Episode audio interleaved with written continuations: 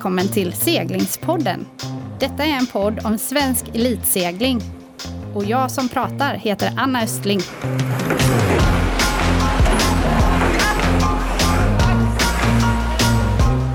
Just detta avsnittet gör vi ihop med Swiss Sailing Team. Vi gör djupdyk ner i landslaget och får lära känna våra seglarstjärnor närmare. Seglingspodden presenteras i samarbete med Svenska Seglarförbundet och Helly Hansen. Nu alla lyssnare kommer ni få höra en av våra coachstjärnor. En kille som har lagt sin egna långa karriär åt sidan för att coacha fram medaljer åt Segla Sverige. Och vilken karriär! Det kan inte finnas många andra som redan som tioåring kvalade in till EM och han med fyra VM och två EM i optimistjollen. Att just han är landslagets coachstjärna just nu förvånar mig inte ett dugg.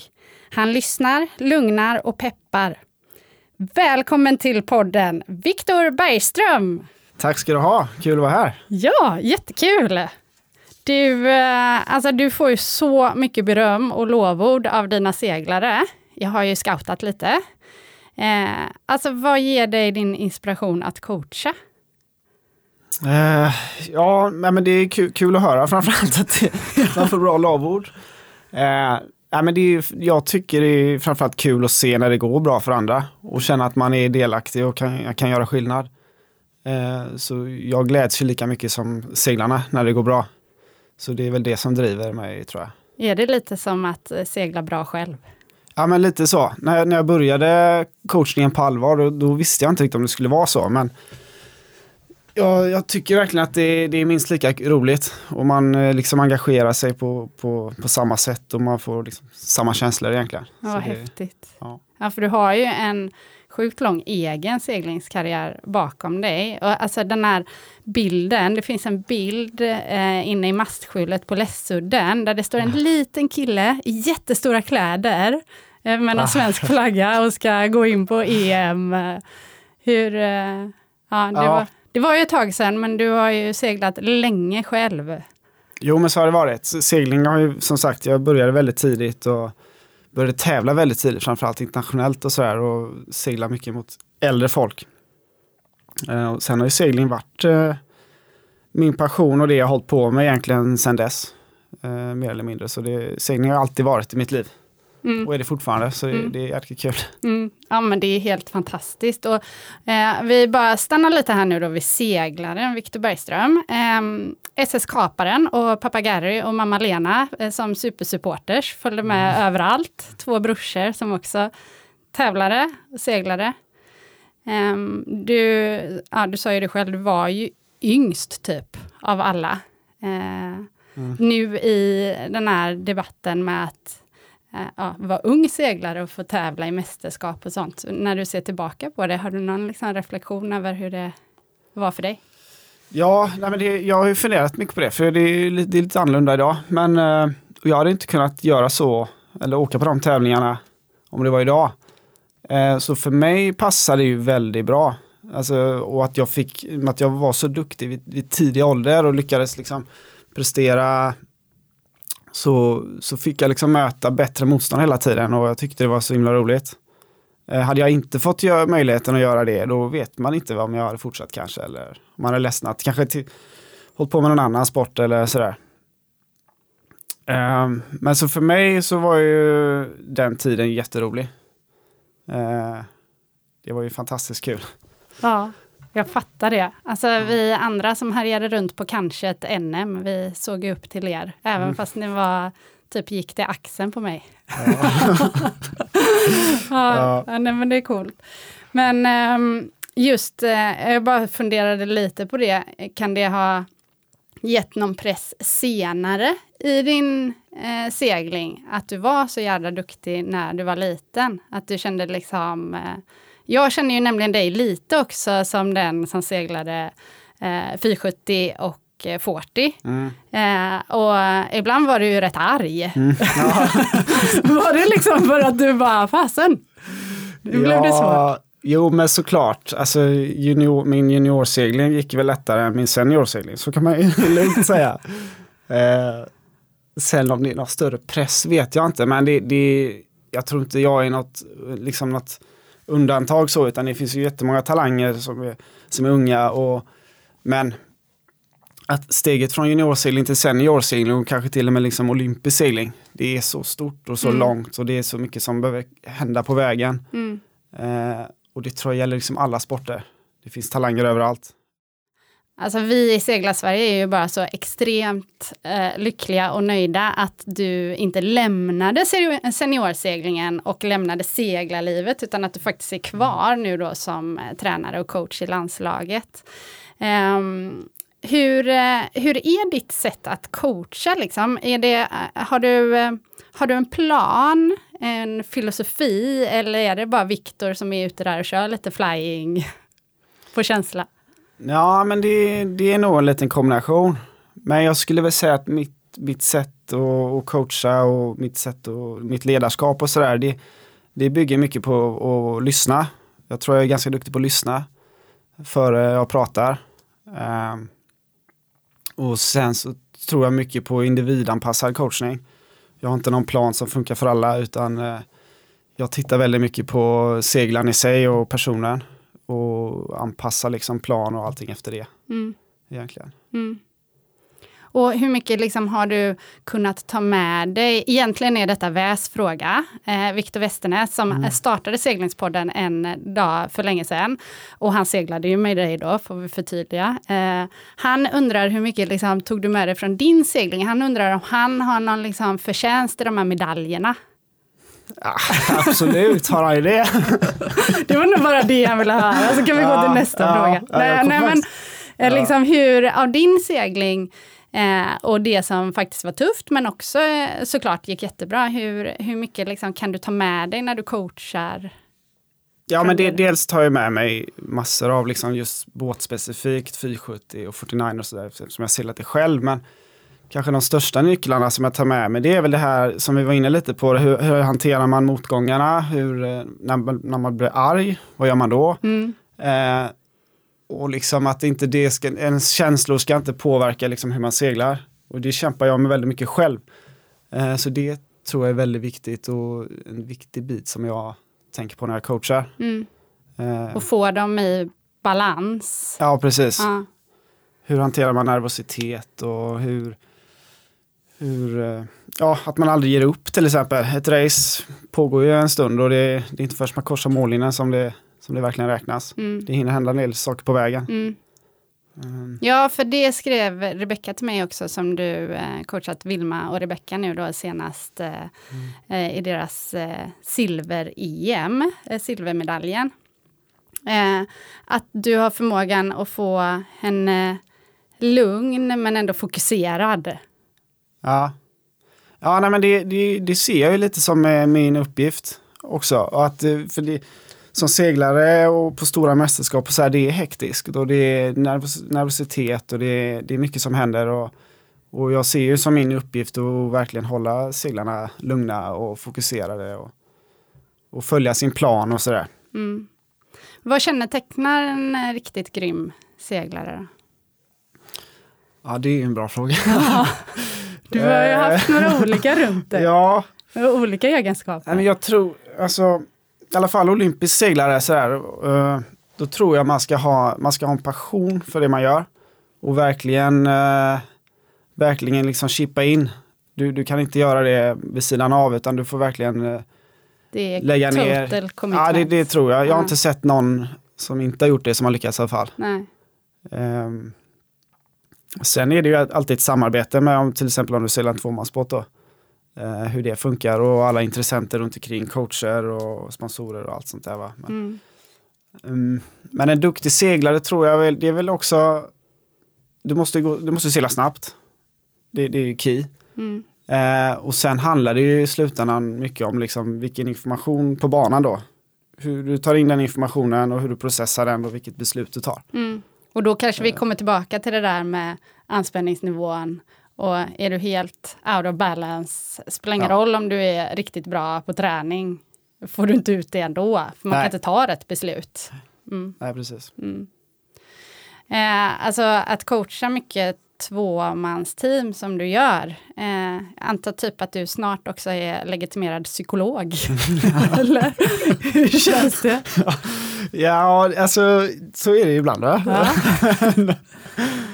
Men det, jag har ju kanske haft lite turen av att det har gått så bra för seglarna. Mm. Så då hamnar vi kanske inte i de här riktiga krisarna. Nej. Det kommer väl runt hörnet här. Skicklighet, Men, eh. Ja. nej men så är det och det är ju ett... eh, Men vad då du menar att den här eh, satsningen med, med Anton och Fidde eh, inte var up and down? Jo, absolut. Ja. Det var det ju. Ja. Eh, jo, och kanske än mer än vad vi kanske ser, har sett ut. Eh, det var ju en jäkla resa. Ja. Eh, För det här är, tycker jag är så sjukt spännande med detta. Man, man ser liksom på ytan, man ser bilder och man ser resultat. Eh, går det inte så bra, då ser man inte så mycket bilder för att då orkar man inte ens lägga ut, eller hur? Eh, men liksom hela det liksom, paketet som kommer bakom den bilden med så mycket känslor och det kan lika gärna varit en kris eh, sex timmar innan på land som du har behövt bearbeta. Eh, eller har jag rätt? Mm, mm. Nej men så är det. Eh, ja, framförallt Anton där också. Ja, det händer mycket, mycket saker. Ja, men det är också en ynnest att få ta del av det, antar jag. Att det Ja. är det häftiga med det här jobbet för dig. Ja, men det är det. Det är det ju verkligen. Det är, det är ju fantastiskt. Och så många saker man har varit med om och resor upp och nedgångar och Mm. transporter och ja, you name it. Mm. Mm. Det händer mycket, men det är också det roliga. Eh, jag tror det, det är ju det som är tjusningen med segling, att det är, så, det är så brett och så många faktorer som behöver liksom synka för att det ska ge resultat. Mm. Eh, Hur var det då att coacha den här medaljfinalen eh, på OS? Ja men det var, ju, det var ju fantastiskt kul. Jag började ju, jag kom in i det projektet lite av en slump. Jag slutade segla själv och sen eh, så ringde Fredrik, brorsan då, 2018 där, innan Kiel och frågade om inte jag kunde komma ner och coacha dem, hjälpa dem på Kiel. Så gjorde jag det. Langa matsäck. Ja men lite så, Ja. liksom. det var ju kul Ja. att komma ner där. Det, sen lite på den vägen blev det, fortsatte med det och sen så blev jag liksom deras huvudcoach egentligen fram till OS då 2021. Och hur var det att liksom coacha brorsan? Jag antar att de var skitnöjda, annars hade du ju inte fått fortsatt förtroende. Men, vad- Nej, jag gissar ju det. Nej, men det var ju kul. Det var ju det är speciellt såklart att coacha sin bror. Eh, även om det var ganska naturligt för att vi har ju följt, för han är ju bara ett år yngre så vi har ju följt varandra i, och coachat varandra ändå liksom på vägen Mm. fram. Mm. Nu blev det lite mer eh, på riktigt då. Och, Mm. och kontrasten med, med Anton ihop och den tresamheten där, det var, det var spännande Mm. och intressant. Men hur, eh, liksom gå tillbaka i huvudet till den här eh, medaljracedagen. Var du nervös? Ja, det var jag faktiskt. Är det värre Det- än att segla själv? Ja, ja, ja, jag skulle säga just när racet körs liksom. Man, man sitter i ribbon och kan inte göra så mycket. Nej. Det bara är liksom, man, de här tre åren har gått och liksom när väl eh, femman har gått där, då, då är det var det liksom. Ja, Nu kan inte jag göra någonting, Nej. utan det är bara att titta, ja, knappt analysera heller, för att nu är det liksom bara sista racet. ja. Alltså då var det nervöst. Ja, det Jäkligt jag. Du var väldigt nervös för alla som kollar på. Ja, det blir lite så också. Men det, liksom, på vägen fram, tagit många medaljer och man har för, vi har förberett oss så, så himla noggrant. Och så är det ändå upp nu till sista racet någonstans som det Mm. skiter Och i vad sig. sa så... du liksom? Eh, Vad, innan? Ja, Hur var, det, var, de? det var ju nervöst och det är inte bara jag, Anton och Fredrik. Det, det är speciellt liksom. Det är en sån dag upplever man inte så många gånger. Nej. Eh, men jag minns det lite speciellt. Jag vet när vi skulle, när vi skulle ut där medaljdagen så vi har ju, hade ju två containrar där i hamnen och ena containern var liksom bara skit och liksom det var där man bytte om ungefär. Så går jag in där och så står Fredrik drar på lite volym sådär på, på hög, högtalaren och drar på någon gammal rockdäng eller sånt där. Så, så börjar de dansa liksom Anton och Fredrik. Ja. Och jag börjar också dansa, Ja. så står vi där och liksom byter om och det är en och en halv timme lite kvar till. Ja, liksom. då fick man lite rysningar och sådär. Ja. Och det kanske ändå är ett tecken på att eh, det var en, liksom, en god dag en bra stämning i Ja. gänget. Jo men det var ju det och vi, vi var ju väldigt förberedda. Jag kände på killarna att det var, vi tränat för det här. Mm, Och det vet de om. mm, Det visste de och det var nu det skulle, mm, det var upplagt för att, att ta den här medaljen. mm. Och som de gjorde det, det där medaljen, kunde inte gjort det bättre. Nej, vad häftigt. Så då var man stolt. Nu ryser jag. Ja. ja. ja, och sen så, eh, vad hände efter OS? Du eh, kom hem, var lite trött och tom antar jag. Ja, det, så blev det. Det var lite firande och lite på Arlanda och lite sådana här grejer. Med familjen och träffa vänner och ja, det var kul. Eh, sen blir det lite tommare, sen är det slut någonstans. Visste du då liksom, alltså hur är det att ha det här yrket? Visste du liksom att ja, men det här kan jag jobba på med? Eller blev det en slump igen att du är kvar nu? Nej, ingen slump ska jag inte säga. Nej, Nej. utan jag, jag har nog känt det hela tiden att det här är... Det passar dig? Ja, det, Ja. jag tycker det här är roligt och då varför inte hålla, Ja. fortsätta. Liksom. Ja, och du hade ett bra CV och liksom kunde... Ja. Nej, men det, nej men så är det ju också att man är, det är ju inte, finns ju inte så många jobb. Nej, det var Nej, det, jag inte så menade. Det gäller ju att vara omtyckt Ja, annars. eh, Ja, så är det ju. Eh, Så vad hände efter uh, vintern Ja, nej men då eh, Anton och Fredrik eh, fortsatte inte segla av naturliga skäl. Så, För att det nu då är mixed? ja, eh, precis. precis. Yes. Eh, nej men så jag blev väl uppringd av Rebecka och Vilma där. De, behövde- De en silvercoach? Ja. Ja. Nej, De hade beslutat sig för att börja segla ihop ja, på hösten där. Så vi åkte upp, eh, var några FX-besättningar på Marsan och körde lite. Mm, Det var jäkligt kul. mm. Då var du tillbaka i den snabbare båten, Ja. för man gasar lite med ribben. Ja, Ja. Nej, så det, det var ju faktiskt Kul. jäkligt kul. Mm. Och eh, hur, eh, hur har den resan varit? Vi vet ju alla, vi hade ju tjejerna på länk för några veckor sedan i ett avsnitt, alltså helt underbara. De eh, var ju så utmattade efter Danmark där. Eh, hur, hur fick du liksom, eh, hur fick du krämat ut det av dem där? Hur stor del liksom anser du, eller du, hur stor del är det liksom i din coaching, i deras prestation? Ja, det vet, det vet jag inte riktigt. Men jag, jag tror... Alltså för deras del så har det ju varit... De har ju seglat FX på olika håll under ganska lång tid. Och sen, så det viktiga för dem har varit att få ihop teamet. Mm. Eh, från start kanske i januari då när de började segla det på riktigt. Så de har ju bara seglat kanske ett halvår ihop. Eh, och det har ju varit fullt ös från början egentligen. Kanske lite för högt tempo egentligen så här i Mm. efterhand. Mm. Men de har ju hunnit med väldigt mycket. Väldigt mycket träning och många tävlingar. Och, Hur eh, gör du för att hjälpa dem få ihop teamet? Ja men det är, liksom, det är väl regelbundna samtal om det. Och, och att man uppdaterar, vad är status? Är det någonting eh, vi behöver prata om nu eller inte? Mm. Rullar det på? Mm. Eh, att man inte liksom får saker att gå ta för lång tid. Ehm, det tror jag liksom är jätteviktigt. Men också att man sätter upp tydliga ramar när man börjar ett samarbete. Var, var, varför gör vi det här? Mm. Och så kan du vara där och kanske påminna om de ramarna ibland och Ja, slussa tillbaka dem. Ja, Mm. och jag ska inte vara där och peka utan det, det seglarna de är så duktiga själva så att de, de tycker det här är så viktigt ändå så att Mm. de tar ju hand om det. Mm. Eh, Så är jag bara där som hjälp och stöd. Mm.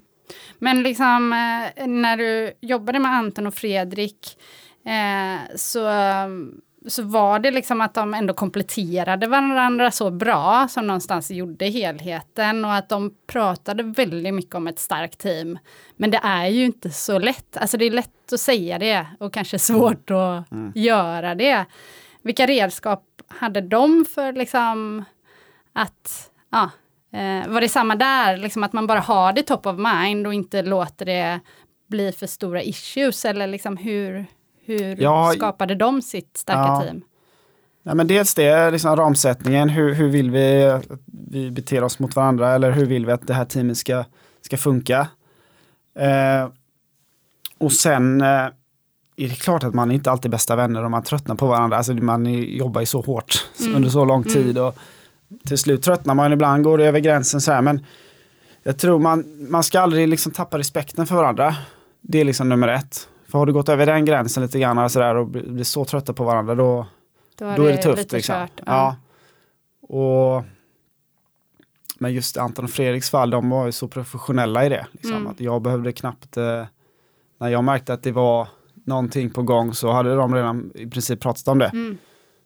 Kan Eh, du liksom ta med dig lärdomar från deras team då nu in i eh, Vilma och Ja, ja absolut. Mm. Massa grejer. Jag har ju lärt mig hur mycket som helst.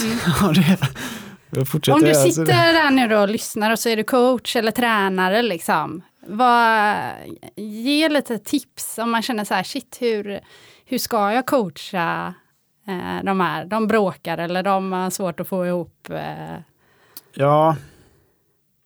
Ja. Nej, men det, sen, coachen kan ju göra en del, men sen är det också upp till seglaren själv. Liksom. mm, Var, varför gör ni det här? mm, Va, vill ni det här? mm. Eh, Kanske våga ställa de frågorna som coach då. ja, Mm, utmana. och, och också ha ett klimat där, liksom, där man ska kunna ge feed. Man, man behöver inte vara nöjd med varandra hela tiden, utan jag, nu är jag missnöjd på dig idag. Eller, Mm, tycker du är bättre du gör på det här sättet. Och kunna, det måste vara så professionellt att du ska kunna ge varandra feedback. mm. Utan att Ja. bli superledsen och Ja men precis. göra slut. Ja. Ja. ja. Det är lite som Eh, hemma. Ja. Nej, men det finns ju inga sådana hemliga knep. Det, det jag, men det är något, alltså jobba med det dagligen. Och eh, Alltså jag upplever igen att du, ehm, alltså du är ju den här härliga, ganska lugna. Eh, för vissa kanske upplever det som lite tyst, men ändå alltid ett leende. Alltså när man möter dig, du har ju så nära till ditt skratt och liksom, det är så helt underbart. Men det, och då tänker jag att det är ju dina frågor och att du är den här lyssnande, lugna, goa personen som gör att de också eh, ja, anförtror sig och, och snackar. Så det Ja. kanske kan vara en, eh, en grej att ta efter som coach. ja, att nej, inte men- peka så Nej, mycket. jag tror så. Tänk till en gång innan du snackar liksom och Mm. låt seglaren eh, snacka. Eh, och eh, det tror jag i alla fall att eh, en av mina styrkor är att jag kan lyssna, att jag är bra på att lyssna. Mm, Och att det kan uppskattas av seglarna ibland. mm. Eh, Rebecka Och- undrar om det blöder i öronen ibland. jo, ibland stänger man ju av såklart. Börja kolla på hockey eller golf istället. Ja. Ja.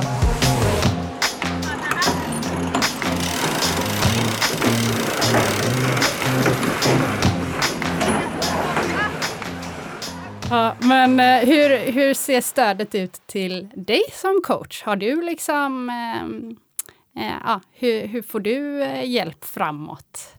Ja. Finns det något sånt? Sånt finns det, Mm. absolut. Jag, jag, eh, jag, säger, jag lär mig mycket av eh, dels liksom de coacherna jag haft själv och mina kollegor då, inom, inom landslaget Mm. och även internationellt. Mm, Och sen eh, går jag faktiskt en utbildning också inom Sveriges Olympiska Kommitté. mm, där vi träffas olika tränare då, regelbundet. Vi ska faktiskt iväg en vecka i Grekland här i höst trevligt. på utbildning. Ja. Så det, det är fantastiskt kul faktiskt. Och framförallt träffa, träffa riktigt duktiga tränare från andra idrotter. Ja. Inspirerande att få vara också i idrottsvärlden och inte Nej men det är det Ja. absolut. absolut. hamna på ett kontor med en dator. Nej, nej men det, är- så det är skitkul. Ja.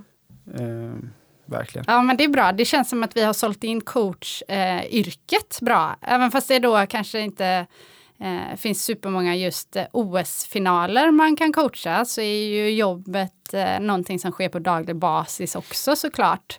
Vad är skillnaden liksom? Eh, om du reflekterar på att vara tränare, coach i det dagliga jobbet mot att liksom göra de här eh, once in a lifetime grejerna. Ja, nej men alla, alla dagar är inte lika roliga på jobbet. så, men Så jag, är det för alla som tur är. Det jag gillar med coachningen framförallt, det är och att det här liksom att komma nära ett team och vara, få vara liksom verkligen liksom skin in the game, lite så här, liksom Mm. verkligen.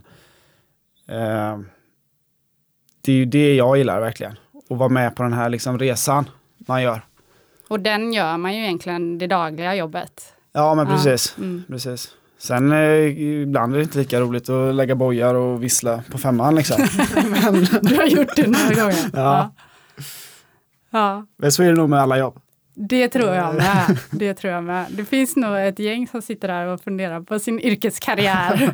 Men det är också himla coolt att man kan välja eh, andra vägar inom vår idrott att faktiskt eh, jobba kvar. Ja men så är det. Och det är ehm, ja så är det. Mm. Hur är, är det liksom, eh, har det förändrats mycket under de här åren som du har coachat? Om man känner så här, finns det eh, tydligare liksom, eh, trygghet eller kan man bli utkastad när man, när, som en eh, sker? Ja, det är bra fråga faktiskt. Jag tror det kanske inte har förändrats så mycket. Nej. Det är ju, eh, det är ju fortfarande, i alla fall inom i sve- svensk segling så är det kanske lite upp till seglarna att välja coacher och sådär. Det fungerar lite andra i andra länder. Eh, Så, så, men så är det ju också i idrottsvärlden liksom. Coacher i fotboll och hockey sparkas ju eh, titt som tätt. Ja. Liksom. Så, det, det, så är det väl lite grann i, i sport. Det är väldigt res- resultatfokuserat och Mm. presterar de inte eller man som tränare så får man nog veta det. Mm. Men jag, jag upplever ändå när vi pratade med Marie Björling som eh, leder förbundet att hon eh, är väldigt mån om den här möjligheten att kunna göra karriär i seglingen. Eh, och du är ju ett lysande exempel på att det går. Det Ja, jo men absolut, det, det gör det ju. Och framförallt kanske som, se, som aktiv då, seglare, så hade man ju hoppats att, det, att eh, det skulle vara ännu lättare att fortsätta. Man ser allt för många som, eh, som slutar på vägen då. Man Mm göra det liksom mer tillgängligt och, och mer möjligheter för, för att kunna satsa på, på sin elitidrott. Ja, precis. För det eh, klurade jag också på när du har sån insyn som du har. Eh, och du var inne på det lite att det är liksom ett total commitment. Alltså det är ju ett mod som krävs för att våga gå all in i en egen seglingskarriär. Eh, alltså vad krävs för att få fler att våga ta det steget? Alltså, det vill säga, hur ska vi få fler att fortsätta? Ja, Den är svår. ja nej, men jag tror... Du har säkert sett en del som liksom lägger av. Ja. Och du har också sett de som verkligen fortsätter. Ja. Vad, vad krävs för att fortsätta? Ja, men ibland kan det vara till och med så att de, det är de smarta som lägger av och de som är lite knäppa och, inte förstår bättre som fortsätter. Liksom.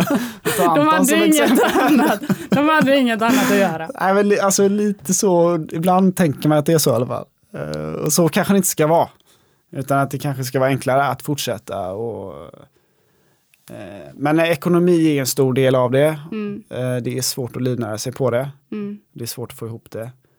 Ehm, Men när jag ser Anton så, mm, som exempel så är han ju så passionerad. Alltså det är ju så magiskt att se, bara han öppnar munnen blir man ju överlycklig. Eh, och hans passion eh, måste ju vara hans driv. Eh, men jag har ju full förståelse för dem, alltså när passionen egentligen finns där men det är för mycket annat som är jobbigt. Så man skiter i det. Ja, ja men lite så. Och ska du hålla på med det som Anton gör, liksom, och har gjort så länge, då, då måste du lägga undan vissa saker som du inte kan göra. Mm. Ehm, där, det tror jag är en stor grej, liksom, att du, då får du verkligen, ska du hålla på med det på den nivån som han har gjort så länge, så får du verkligen chippa in. Mm. Ehm, och folk runt omkring honom också lite grann, stötta upp. Ja, men nu har de väl ändå hittat ett sätt där, då, där de försöker få seglarna att kunna fortsätta med liksom, vissa projekt som kan ge lön och liksom, eh, hur, hur, eh, hur funkar det? Kan man liksom göra både sin segling och ha ett jobb även fast det är inom idrotten? Liksom? Ja, men det kan man ju. Det finns ju många exempel på det. Folk som kanske seglar lite storbåt, lite professionell segling då vid sidan av. Man kanske kör lite sälj-GP eller uh, lite Marcus Cup och sånt där. Det, det finns ju, men det är ju inte så många. Nej. Men, eh, och det är nog vanligare i andra länder tror jag. Mm. Det är inte så... Vi har ju sett nu kanske då Max Salminen och Jesper Stålhem som liksom avslutat sina olympiska karriärer. Som det ser ut i alla fall. De har ju gått lite grann den vägen. Mm. Och jag tror det kanske de skulle ha gjort innan Mm. eventuellt. Och kombinerat lite. Eh, men då ska man också känna att man har tid till det. Mm. Orken. Och, Och, ja. Mm. Och det Nej, är det det där är en svår nöt att knäcka, men definitivt så behövs ju såklart passionen och drivet att fortsätta segla och kärleken till det. Eh, Alltså det finns ju ingen, då är man ju riktigt stollig om man inte om man gör det, den efforten man inte tycker det är kul. Nej. ja. ja, herregud. Eh, men du, ehm, som i coachingen nu då, var liksom, eh, ja, du säger det, du, ibland så blåser du femman och lägger en boj, men vad tror du liksom kommer utvecklas inom coachingen? Om du skulle fortsätta jobba och så om tio år jobbar du fortfarande med landslaget och liksom, vad är det som saknas och vad kan, vad kan hända inom coaching tror du? Mm. Jättebra fråga. Jag tror ju, alltså hela den här digitaliseringen är ju en jättestor grej. Hur mycket man kommer an kunna använda eh, GPSer och sensorer på båtarna. Och, är det något sånt nu i den? Liksom? Ja, ja, det är det ju. Och, men jag vet inte om jag gillar den utvecklingen helt heller. Det blir, allt blir mycket dyrare. Mm. Och saker du kan använda på träning får du inte använda på tävling. Så det är också... Vad är det för exempel? Har, har ni några sådana här luriga? Ja, men, men du kan ha liksom eh, sensorer på vanten då, till exempel. Mm. Så du kan se vilken load du har på, på det där. Och, så. och detta eh. betyder då typ att de, eh, som vanligt, de nationerna med mycket pengar har många sensorer? Ja, ja. Nej, men så är det. Ja. Så är det ju. Och, nej, men det, det, det, är egentligen inga nya grejer, men det är väl saker som kommit liksom från storbåtsseglingen som nu är nere på jollenivå mm. egentligen. Mm.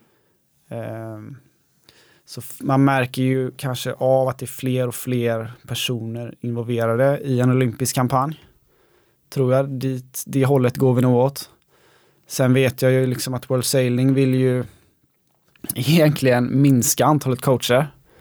Eh, vill ju liksom ha mindre korsbåtar på vattnet, mindre utsläpp och hela mm. grejen. Så det, och det, det tror jag också.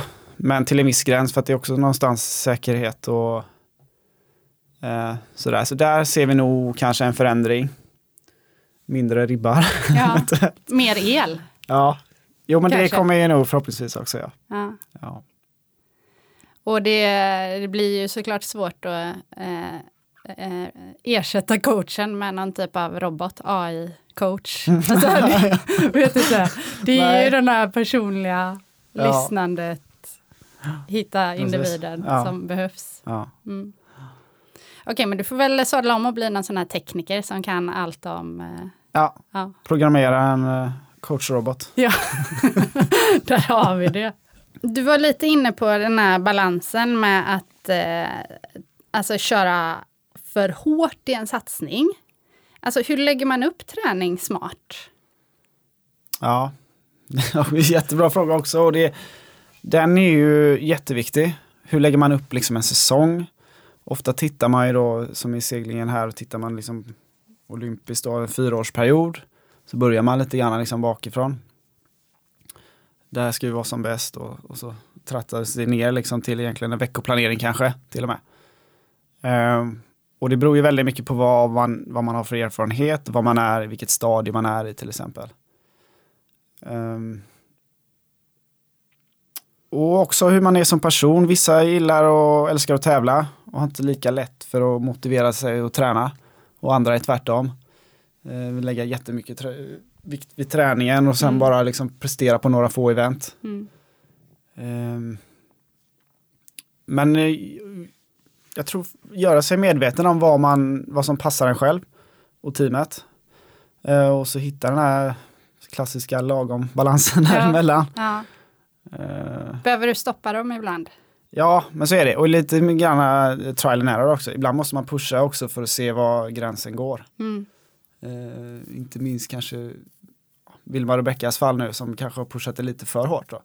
Men det är bra att veta om det, då vet man ungefär, ja det här är, det här är vad vi klarar av fysiskt, mm. mentalt och mm. sådär. Och har man inte pushat till den gränsen så är det svårt att veta var den är någonstans. Precis. Så kör hårt. Ja, Men inte för länge kanske. Nej, nej, precis. Och uh, hur, uh, ja du säger ju det såklart att det är individanpassat. Uh, hur, jag antar att seglarna har väldigt stor del själva i hur de gör upplägget liksom. Um, mm. Och så är du där som ett stöd då med dina tankar eller? Ja men precis och också inom liksom ett team då vilka roller har man? Mm. Vilka ansvarsområden har man? Mm. Till exempel, tar du en gast i en 49 till exempel, då är ju fysbiten en väldigt stor grej. Mm. Kanske inte lika viktigt som rorsman då. Och vem meckar båten och vem eh, bokar de här resorna och ja, Mm. hela projektet egentligen. Att det är väldigt tydligt där vem som gör vad och Mm. hur mycket tid man lägger på allting. Mm. Och hur, eh, alltså att vara coach så som du är, jag antar att du har en jädra massa resdagar. Ja, det, det blir ju det. det, blir det. Hur är det, är du bra på hjärtlägen? Ja, hyfsat ändå. Är du det? Eller, alltså, jag, har, Jag hörde att du fick straffarbete en gång. jag har ju försovit mig någon gång. Ja, Kan ha hänt. kan ha hänt. då fick du putsa båt och mecka en hel dag hörde jag. Ja, det blev, precis. Det var nog någon gång där, i Japan tror jag, försov mig nog en halv dag tror jag. Nästan. Det händer. Det händer även den bästa. ja. Eh, Okej, men silvercoach Viktor, nu eh, hoppar du tillbaka eh, till 2019, eller 2018 där, när brorsan ringde dig.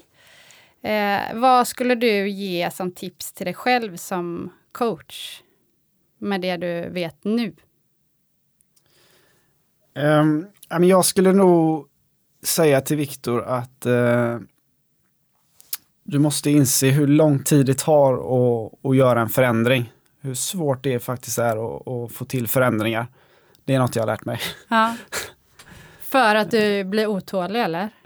Nej, men för att ja, man tror nog att det är lättare att förändra kanske strukturer eller personer eller en teknik kanske i en båt. Eh, och det har jag fått mer respekt för.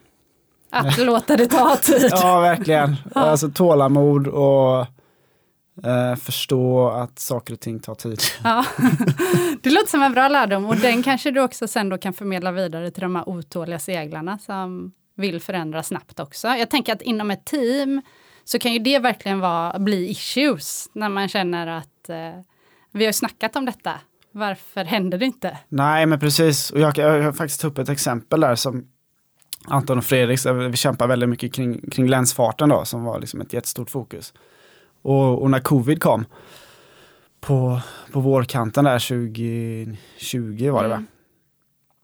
Eh, då fick vi träna hemma och då tänkte vi det här är perfekt ju, då kan vi träna bara läns. Vi ihop med Olivia och Lovisa och, och vi körde på som satan. Liksom. Vi boxerade och körde till Barsebäck och vi höll på liksom att länsa, länsa, länsa och tyckte vi lärde oss hur mycket som helst. Mm.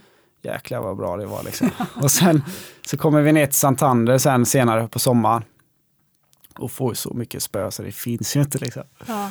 Och då, då ja, Att inte tappa det då. ja, att man, då, då blir man ju lite knäckt alltså. Ja. När man tror att man har gjort en förändring och tror verkligen att saker och ting har gått bra och så visar det sig att så är det inte. Då fick man en liten törn. Men är det någonting som man behöver liksom acceptera att så är det? Eller borde ni gjort på något annat sätt tror du? Så här eh, efterklok som man kan vara. Eller Ja, jag tror det. Jag tror också det är väldigt lätt att lura sig själv. Alltså det är det här med typ valda sanningar och sånt där. Eh, något som jag liksom skulle vilja testa mer det är att lura seglaren. Mm. Liksom typ, om man gör kanske någon förändring i, i riggen. Eh, lura varandra där och in, kanske inte göra den här förändringen. Och så se om jag fortfarande säger att nu såg jag en stor skillnad i akterliket här. Nu öppnar det mycket mer helt plötsligt. Går vi Fast vi har snabbare inte gjort då? någon skillnad. Liksom. Ja. Alltså de där, eh, det skulle jag jobba mer med. Ja, Eh, för det är väldigt lätt att se saker som man vill se. just det. Det, låter, det där är ju framtidens coaching. Ja, Viktor. det kan det vara. Han lurig rackare. Alla vill ha den luriga coachen. ja, ja. Ja.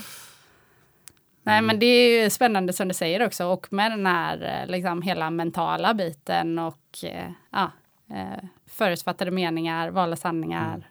Den tar ju en stor del. Mm, Ja. Men den är också viktig. Det är ju viktigt att tro på, eh, ja, på sitt. Mm. Även fast jo, det kanske inte man har alla förutsättningar eller eh, inte har alla sensorer. Nej, Då får man bara nej. välja att det löser sig ändå. Ja. Mm. Ja, innan vi släpper det också Viktor så måste vi fråga frågan som vi ställer till alla som varit här. Eh, Vem skulle du vilja höra i framtida avsnitt i Seglingspodden? Ja, nej, men en kille som jag inte riktigt förstår mig på det är ju Santiago Lange. Eh? Argentinare. Ja, precis. Alltså vad har han? Sju OS och tre medaljer och sånt där. Och vad är han? 60 plus. en lunga och segla nackra, foilande nackra. Alltså jag, jag, för mig går det inte ihop. Vi undrar om han tillhör en av de där stollarna då? Ja, eller? han är nog en av dem. Ja. ja. Det hade varit asspännande att få prata med honom. Ja, det... det- var en utmaning för mig som eh, letar folk till podden, men jag antar den. Och så eh, hoppas vi att han eh, vill vara med. Det tror jag säkert. Mm, bra idé. Eh, Viktor, alltså vi är så glada att du kom hit. Jag är helt säker på att många har blivit inspirerade till att eh, våga ta steget och eh, eh, tänka coaching som en yrkesbana, men också få med sig saker till sin egen segling. Och, och ah, att det, det är ju inte jättelätt, men eh, det, det styrs av driv, motivation och en väldigt bra lyssnare. Där har vi receptet kanske. Ja, Ja. ja stort tack. Ja, lycka till framöver, vi följer dig. Tack ska du ha.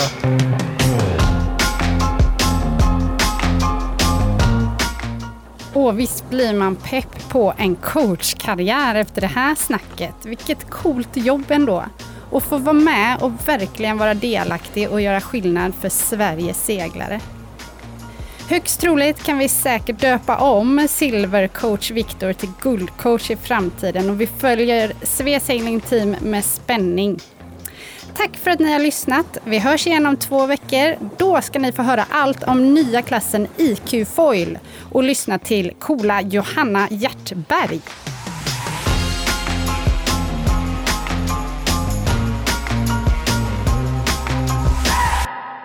En poddproduktion av Fredag.